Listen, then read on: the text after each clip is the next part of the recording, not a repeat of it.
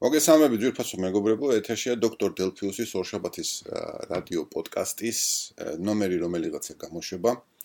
ეს არის უბრალოდ სატესტო ჩანაწერი, რომელიც რომელსაც მე წერ ჩემი სახლიდან დიდი ხანია არ ჩამიწერია სახლში არაფერი და ნუ გამომდინარე იქიდან რომ პატარა ბავშვი ყავს სანდრიკო და სრული სიჩუმის დაცვა ფანტასტიკის სფეროდან არის რასაკურველია. დღეს არის 7 აპრილი 2020 წელი და არა მარტო მე არა მარტო საქართველოს, არამედ მთელი მსოფლიო განსაკუთრებულად უცნაურ ვითარებაში და სიტუაციაში ვცხოვრობთ.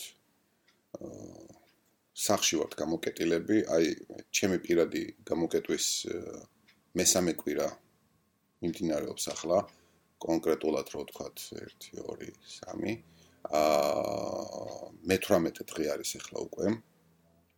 რაც მე სახლში ვარ. არა, რასაკვირველია ეს არ ნიშნავს, რომ 18 დღეა საერთოდ არ გავსულ ვარ სახლიდან. მე კვირაში ორჯერ ორჯერ ჩავდივარ აა მაღაზიაში პროდუქტების საყიდლად.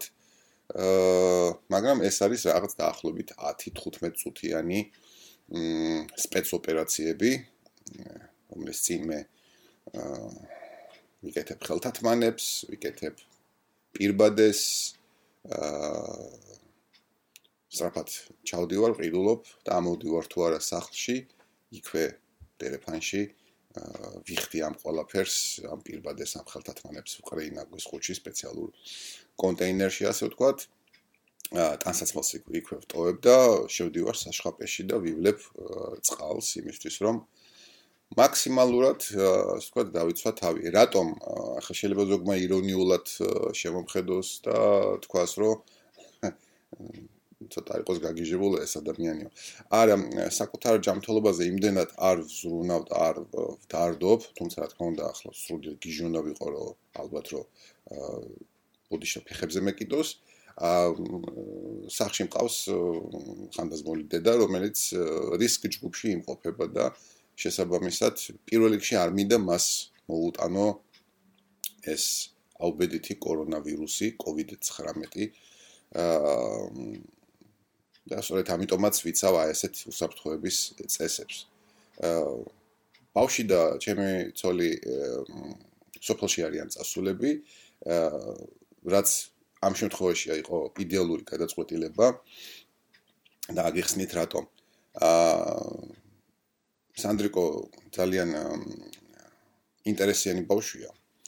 და შესაბამისად როგორც კი ჩემს კომპიუტერს ან ჩემს ტაბლეტს ხედავს იმ წუთში უნდა რა თქმა უნდა მასთან თამაში. და გამომდინარე იქიდან რომ მე ისე როგორც ბევრ თქვენგანს ალბათ ვინც ახლა მისმენთ ჩოლებრივი სამუშაო დღე გვაქვს თუმცა გასახლიდან მე უნდა ვიჯდე და ვიმუშაო ну თუ იდეალურ სიწყმარეში არა რაც მაინც და მაინც არ მჭირდება ელემენტარულად ისეთ ვითარებაში მაინც უნდა ვიმუშაო რომ ბავშვმა კომპიუტერს ხელი არ მოკიდოს და არ შემიშალოს კალკულური ოპერაციების ჩატარებაში. რაც ახლა რა თქმა უნდა შეუძლებელი იქნებოდა. ამიტომაც აა მიუხედავად იმისა რომ უსასტიკესად უკვე მენატრება და გამგზავრებიდან მეორე დღეს უკვე მენატრებოდა რა თქმა უნდა ჩემი ოჯახი აი ესეთი გადაწყვეტილება მივიღეთ და ამ ეტაპისთვის ეს ყველაზე ოპტიმალური ვარიანტია. ამიტომაც მე ვარ სახლში ეხლა მარტო, იმიტომ და ჩემი იქ აქვე, მაგრამ ცალკე სახლში ცხოვრობს. აა დილას ვიღვიძებ სხვათა შორის საკუთარ თავს უთხარი, როგორც კი ამ каранტინში ჩავჯექი, რომ არანაირი აა 10 საათამდე ძილი ღმერთო ჩემო 10 საათი რა ქვიანია. არა, მართლა სერიოზულად პირველი ორი დღე შაბათი კვირა იყო ზუსტად. მივეცი ჩემ თავს უფლება რომ ცოტა გამომეძინა. ეს ცოტა გამოძინება იცით რა არის? დილის 6 ან 7 საათის ნაცვლად რომ 9 საათზე გაიღვიძებ. იმიტომ რომ რეალურად არ ვიცი ხვები როგორ ხართ, მაგრამ მე მთელი ცხოვრება ისედაც 6 ან 7 საათზე ვიღვიძებ. აა როდესაც უფრო ახალგაზრდა ვიყავი, რა თქმა უნდა, შემეძლო დამეძინა ღამის 12-ზე, 1-ზე, 2-ზე და მყოფნიდა. და მაინც 6-ზე ან 7-ზე ვიღვიძებდი ხოლმე. მაქსიმუმ 8 ნახევარზე.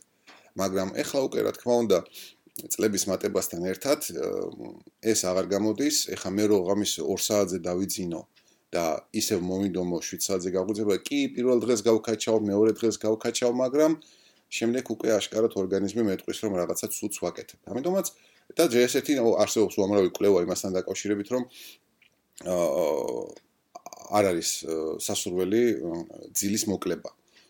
კი, მე მყავს აგერ ნაცები, რომლებსაც შეიძლება 4 საათი იძინონ და აბსოლუტურად ყოფნით, ეს მათი ორგანიზმის ასე ბუნებრივი მდგომარეობა, მაგრამ ჩემი ორგანიზმი მეუბნება, რომ მე 7 საათი, 7-8 საათი უნდა მეძინოს და მაშინ მე ვარ მაქსიმალურად პროდუქტიული შემდეგ დღეს. ამიტომაც ჩემთვის 9 საათზე გაგვიძება და მით უმეტეს 10-ზე ან 11-ზე გაგვიძება ცხოვრების განმავლობაში ისედაც წარმოუდგენელი ფაქტი იყო, აბსოლუტურად შეუძლებელი, იმიტომ რომ ნუ ამდენი ხანი წოლა და ძილი დანაშაულად მიმაჩნია. რასაკვირველია, ეს საკუთარ თავს ეხება პირველ რიგში. თქვენ ხები ვინ როგორ გააკეთებთ ეს მე ნაკლებად, ასე ვთქვათ, მეხება ეგ საკითხი. უბრალოდ ჩემი გადმოსახედიდან ეს ესეა.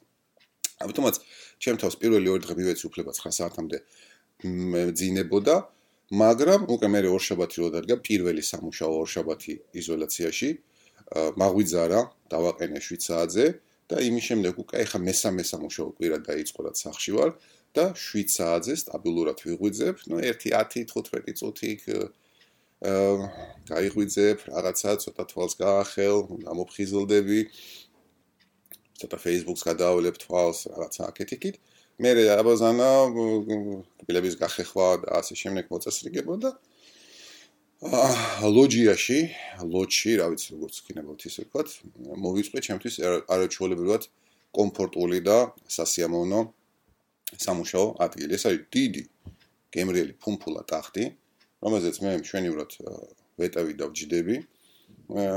ჩემი ლეპტოპი აგერ მაქვს და თეთრ დღის განმავლობაში აქ მუშაობ, აქვე საუზმობ, სადილობ და ვახშმობ. ხო, აი ხლა ამ კვების რეჟიმზე და ზოგადად სპორტულ აქტივობებზეც მინდა 1-2 სიტყვა ვთქვა. ეხლა ვინც მე პირადად მიცნობს იცით რომ დიდი სპორტულობით მე არ გამოვირჩევი და ერთადერთი აქტივობა რაც მე ბოლო რამდენიმე წელია მით უმეტეს რაც Apple Watch-ი მაქვს ჩემი სპორტული აქტივობა გამოიხატება ფეხით სიარულში რომელიც მე მიყვარს სიამოვნებს და მართლა სიამოვნებით ვასრულებ და ძალიან აა ჩემი ყოველდღიური ასე ვთქვათ ნორმა, მინიმალური ნორმა, რომელსაც მე ყოველგვარი პრობლემის გარეშე ვაკეთებდი, იყო 5-6 კილომეტრი. ეს როდესაც არაფერს არ იძაბები და სპეციალურად არ დადიხარ, არამედ დადიხარ ისე როგორც ვთქვათ ყოველდღიურად. იმიტომ რომ სამსახური სადაც მე ვმუშაობ, ილია სახელმწიფო უნივერსიტეტი ძალიან ბევრი корпуსისგან შედგება. ამ корпуსებში არის ძალიან გზელი დერეფნები და დიდი მასშტაბებია ხოლმე გასავლელი. ამიტომაც დღის განმავლობაში 5-6 კილომეტრი აბსოლუტურად თავისუფლად გროვდება. მაგრამ როდესაც მიზანმიმართულად დავდივარ, ეს შეიძლება იყოს დილის საათები, სანამ სამსახურში მივალ, ან საღამოს საათები, აა მაშინ მე 8-9 კილომეტრს ვაკეთებ აბსოლუტურად ჩაოლებრივად და ეს ჩემთვის ნორმაა. სახში ჩაჯდომის შემდეგ რასაკურველია ეს კილომეტრები უცებ დავიდა პრაქტიკულად 0-ზე.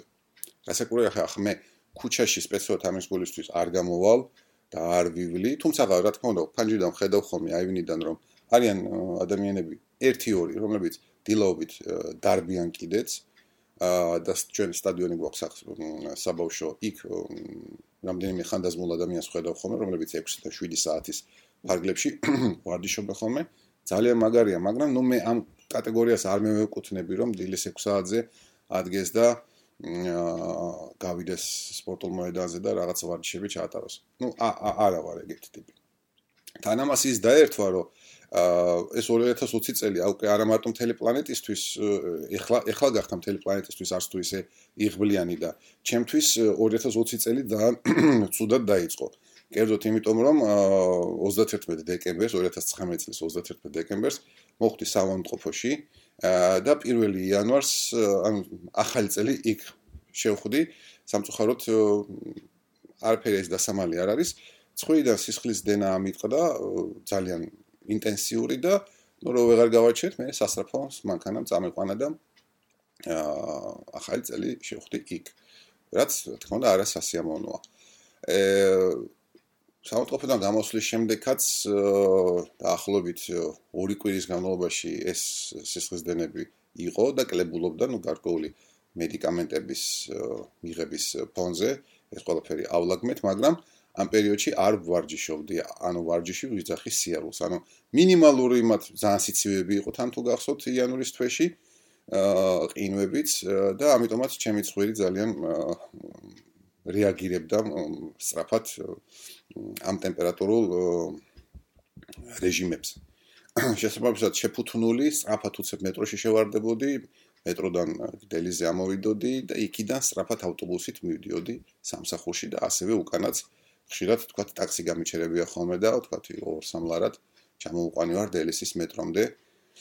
იმიტომ რომ სწრაფად მოხვედრილიყავი თფილ თვილი ჰაერის გარემოცვაში, რაც მეტროში და არა ქუჩაში დიდხანს უნდა გარიყავ. მე იანვრის ბოლოს ჩემი სანდრიკო გახდა ავად. ისიც სამონტყოფაში მოხდა მაგრამ მადლობა ღმერთს ყველაფერი ნორმალურად დამთავრდა. მოკეთ ეს იანვარი ძალიან ცუდი იყო. შესაბამისად თელი იანვრის თვის განმავლობაში მე არანაირი სიარულები და აქტივობები არ ქონია და წონამაც რა თქმა უნდა არ დააყოვნა და რაოდენ საოცარიც არ უნდა იყოს ისევ დაიწყო ზემოთ ამოცოცება და იმ ტანჯვით და წვალებით მიღწეულ გარკვეულ ნიშნულიდან არ დავასახელებ. ახლა აი მაქცებს მართლა არ დავასახელებ. არ არის საჭირო წონა ამოვიდა საწყის გამორებას ანუ 2019 წლის იანვარში მე ძალიან კარგად დავიწყე წინა წელს. ძალიან კარგი სტარტი მქონდა. და მთელი წლის განმავლობაში პრაქტიკულად ვინარჩუნებდი იმ წონას, იმ შუალედურ წონას, რომელიც მე მინდოდა რომ მქონოდა. თუმცა ეს არ არის ფინიში, ასე თქვა და მიზანი. მიზანი კიდე ცოტა უფრო ქვემოთ არის, უფრო უფრო დაბალი წონა, მაგრამ იმას ვაპირებდი ცოტა უფრო მოგვიანებით, მაგრამ ხმერე ხამ რა მოხდა, ხამ რა მოხდა, ხამ რა მოხდა და მოკლედ შუალედურ მიზანზე კარგად ვიყავი. ორგანიზმიც თავს კარგად გზნობდა ძალიან. აა კამარიც კამარიც გამოწე რამდენიმე ნახრეთით უფრო დაპატაროებისკენ და ყველანი ბედნიერები ვიყავით.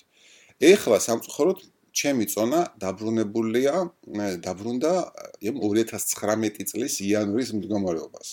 ანუ მთელი ამ 1 წლის აა ნალოლიავები აა წონა ავინაზღაურეთ. თანამას ახლა დაერთვა ეს სახში იზოლაციის აა პირობა და ვალდებულება და რაც ახლა რა თქმა უნდა ხელს არ უწყობს მაინც და მაინც წონის კლებას. ეხლა ვიღაც ზოგიერთი თქვენგანი იყვით რომ კაცო მე ადექი ეგრე ვარჯიშები აკეთე არის უამრავი ინტენსიური კარდიო ვარჯიშები რაღაცები მეგობრებო ჯერ ესეთი ინტენსიური კარდიო ვარჯიშები რო აკეთო ცოტა კარდიოც კარგად უნდა გქონდეს მდგომარეობაში ანუ გული და ცოტა მომზადებული უნდა იყოს. ამიტომაც უნდა დაიწყო ძალიან მცირედით. კი, მე რაღაც რაღაცებს ვაკეთებ, ვერ გეტყვით რომ ძალიან სისტემატიურად და ძალიან ინტენსიურად, მაგრამ რაღაცებს ვაკეთებ, მაგრამ მაინც უფრო მინდოდა რომ აა წონის თუ ძალიან სერიოზული კლება არა, ყოველ შემთხვევაში რაღაცნაირი დასტაბილურება მაინც მომეხდინა. სიმართლე გითხრათ, იზოლაციაში მოხვედრის პირველი ერთი კვირა მე ამას არანაირად არ შევხედე.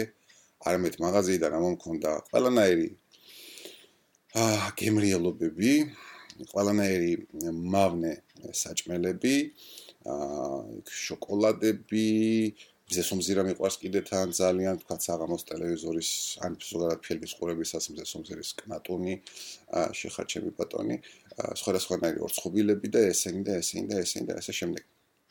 ეს მოკეთ შემთხვევას არ დავაკელი და ის ერთი კვირა თან მუშაობდი თან ქონდა ხოლმე. მოკეთ ელვირივით სულ მქონდა რაღაც სასუსნაოები და რაღაცები.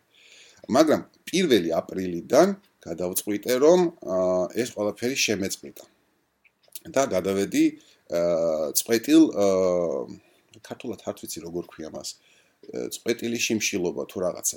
მოკლედ ესეთი არ თუ ისე რთული სისტემაა ვინაიდან დღეღამე შედგება 24 საათისგან, ჩვენ ვიღებთ ასეთ მოცემულობას. მოდი 16 საათი ამ 24 საათიდან არ ვჭამოთ არაფერი, საერთოდ, ისიც კი არ ვაი პატარა პურის მოაციცქნო პატარა პურს, აი თქვა გემრიელთონის პურს ან ან რაღაცა შოკოლადის შეჭამო ან კამფეტის შეჭამო ან რაღაცა არა ერთადერთი ნებადართულია წყლის დალევა და თქვა ჩაის ან ყავის დალევა ისიც უშაქროთ ხო? ან ნუ შაქრის ძალიან მიზერული რაოდენობით. ხოლო დარჩენილი 8 საათის განმავლობაში ჩვენ გვაქვს ჭამის უფლება ხო? მანდ ახლა ბევრნაირი ვარიანტებია. ანუ მე ესეთი ვარიანტი ავიღე. საღამოს 7 საათიდან წვეთ ჭამას ვიდრე მეორე დღის დილის 11 საათამდე. დავეთანხმებით ალბათ რომ არც თუ ისე რთულია რომ დილას ყოველ შემთხვევაში ჩემთვის მე დილას ისედაც ძალიან მაინც არ მიყვარს ხოლმე სახნე ყოთფშიერი გავდივარ იმიტომ რომ ნუ არ მინდა ჭამა იმ მომენტში მაქსიმუმ შეიძლება ერთი ჭიქა ყავა დავლიო ისიც თუ გამოდის თუ არა და მივდივარ სამსახურში მივდიოდი ხოლმე სამსახურში ფიზიკურ სამსახურში და იქ სვამდი ხოლმე ყავას და შემდეგ უკვე როცა სამსახურის ბუფეტი გაიხსნებოდა 11-12 საათზე ჩავდიოდი და რაღაცას საუზმობდი. ანუ პირველი საუზმე სამსახურში მქონდა ხოლმე. ნუ ეხლა ეს ვინაიდან არ არის და სახში ვარ, ეხლაც ესეთნაირად 7 საათზე ვიღვიძებ დგები სადღაც ულის ნახევარზე. სვამ ერთ ფინჯან ყავას, ჩოლები ყავას არანაირად. სამცხოთ მე კოფე მანქანა არ მაქვს და გემრიელ ყავას ვერ დავლევ, მაგრამ სვამ იმ საზღვრებას, რასაც პირობითად ყავა ქვია. და ველოდებით 11 საათის დადგომას. 11 საათზე საუზმობ. მე უკვე შემიძლია დავლიოთ ჩაი თუ მაინც და მაინც რამე სითხე მინდა. აა მე 3 საათზე ვსადილობ და საღამოს 7 საათზე ვახშმობ. აი 7 საათის შემდეგ გუშინ მართლა განსაკუთრებით გამიჭირდა, მაგრამ ძალიან მიხარია რომ საკუთარი თავი დაუძლია და არაფერი არ შევჭამე.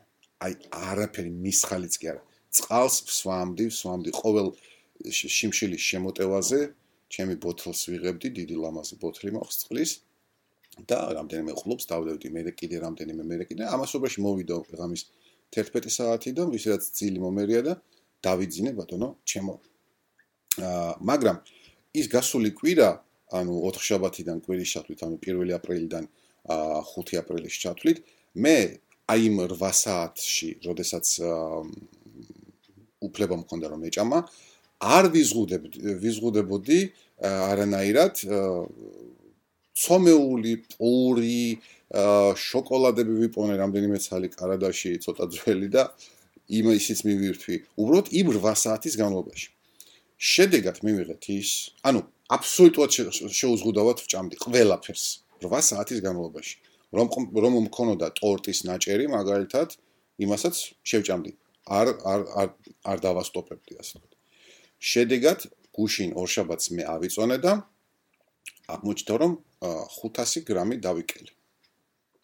ეხლა შეიძლება ვიღაცამ თქვას რომ უფ ეგ შეიძლება წყლის ხარჯზე არ დალიე წყალი და არა არა წყალს მე ვსვამ ყოველდღურად ბევრს ინტენსიურად იმიტომ რომ როგორც მე თვითონ აღმოვაჩინეთ ჩემ თავში როგორც კი მეწება ოდნავ გაუწყლოვანება იმ წუთში ორგანიზმში მეწყება ტკივილი, ფიზიკური ტკივილი. ეთყობა უკვე ის სახსრებია თუ კუნთებია თუ თუ რა ნაწილია, იწებენ ტკივილს და წყლის ხაღადებენ, რომ წყალი მოგვეცი, დაგველებინე. ამიტომაც რატომ უნდა ვაწოლოთ ორგანიზმი, მივცეთ წყალი და სხვა შორის თქვენს გირჩევთ. დალიათ რაც შეიძლება ბევრი წყალი ეგუშინ ჭოლას უსმენდი ტელევიზორში და ბევრ წყალს ვსვამო.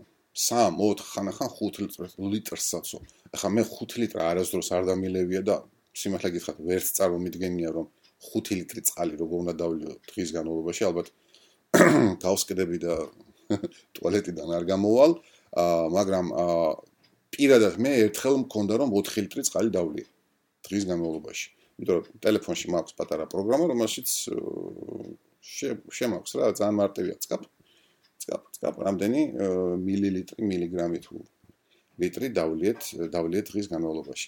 აა ამიტომ ეს ეს იყო ერთხელ. აა სტანდარტულად დაახლოებით 2 ლიტრს ლიტრანახევარს სვამ ხოლმე. რა თქმა უნდა, ეს ცოტა, მაგრამ ნუ ორგანიზმში მეტი აღარ ჩადის. აი რა გავაკეთო, არ ჩადის მეტი. ღვინის არ იყოს, ხო იცი, აი სუფრასთავრო სხედვართ და იქ რაღაც მოძალადე თამადარო დაგადგება თავზე და აი სვამ, სვამ, სვამ და აი ყელში უკვე ჭყიფჭყიფებს ეს ღვინო, აი დაახლოებით ეგეთ ვარიანტი. მოკლედ, ანუ იმ скеპტიკოსებს შემიძლია უთხრა რომ მე გაუწყლოვანება ეს დღეები არ მქონია საერთოდ, წყალს ვიღებდი ნორმალურად, შესაბამისად ორგანიზმშიც ანუ ვერ ვიტყვით რომ ის 500 გრამი იყო მხოლოდ და მხოლოდ თქვა წყლის დანაკარგების გამო წონის კლება. არა, არ ყოფილა. ეხლა ამ კვირაში მე გადავწყვიტე 500 გრამი ცოტაა, ჩემი მოსაზრებით და გადავწყვიტე რომ ცოტათი შევამცირო ცომეულის მიღება. ცომეულს ეხლა მე მაღებულობ ერთადერთ რაღაცას, პურს. იმიტომ რომ სახიდან გავაქრე უკვე რამდენიმე დღეა გავაქრე ყველანაირი შოკოლადი, კამფეტი, სუხარებით, ანუ თუ როგორ ქვია მაგას ოცხობილები. სუხარი რა, აი გამხმარი პურები რომ არის, რომ იყიდება. ეგეც ძალიან მიყვარს ხოლმე თქვა ჩაისთან ერთად. ეგეც გავაქრე ყველაფერი და გუშინ ამოვიტანე რამდენიმე ვაშლი. აი ამ 8 საათის განმავლობაში ჭამის 8 საათის განმავლობაში თუ მომინდება რა მეტკბილი, გადავწყვიტე რომ აი ვაშლი შევჭამო ხოლმე. და ამით თქვა დავიკმაყოფილო ჩემი ტკბილის მოთხოვნილება. და შესაბამისად, შემდეგი ორშაბათის პოდკასტს მე იმედია რომ ახლა განვაახლებ ამ პოდკასტების ჩაწერას. შემდეგი ორშაბათის პოდკასტისთვის უკვე მეწოდინება დილას ავიწონები უსმოზე და შემდეგ ჩავწერ პოდკასტს ასე რომ იმედია რომ წონა თუ 500 გრამზე მეტი არა ეს 500 გრამის კლება კლავაც შენარჩუნდება ჩემს ორგანიზმში რაც რა თქმა უნდა ძალიან გამახარებს საკმაოდ ბევრი ვისაუბრე დღეს და მაინც და მაინც მონოლოგი მონოპოდკასტებში ხანძლიო მონოპოდკასტები არც თუ ისე საინტერესო მოსასმენია ხოლმე. უბრალოდ ეს თქვა დამიგრობდა ძალიან ბევრი რაღაცა ამ საკითხთან დაკავშირებით. თან მიუხედავად იმისა რომ ინტროვერტი ვარ სამი კვირის განმავლობაში სიჩუმეში ყოფნა ეთქობა მაინც აისახა ჩემ თავზე და გადავწყვიტე რომ აი ესე ძალიან სპონტანურად ჩამეწერა ეს პოდკასტი. თან საქმე იმაში რომ ჩემი პოდკასტი რატომღაც ეფლმა ჩემი პოდკასტის ფიდის მული ეფლმა დაიწუნა და ამიტომაც რაღაც დროებით გამითიშა ქონდა მიმოწერა რაღაც აკეთიკი და აი გუში მიმიღე წერილი და დღესდილა შევამოწმე და აღმოჩნდა კიო კიო მართალი ხართო გავასწრეს რა ხან თქვენ გაასწორეთო ის ვიდეო ჩვენც გავააქტიურებთო თქვენს პოდკასტს კლავო. ამიტომაც მეც უჰუ გამიხარდა და აი ამ გახარების ნიადაგზე გადავწყვიტე რომ ეს პოდკასტი ჩამეწერა დღევანდელი გამოშვება. იმეც ვიტყოებ რომ შემდეგ კვირასაც და კიდე რამდენიმე კვირის განმავლობაში ჩავწერ შემდეგ გამოშვებებს ალბათ ვისაუბრებ ამ კორონავირუსზეც სახელიდან მუშაობის თავისებურებებზეც და ასე შემდეგ ასე რომ დარჩი ჩვენთან და ვეცდები რომ გაგართოთ ხოლმე. აბა დროები და კარგად იყავით.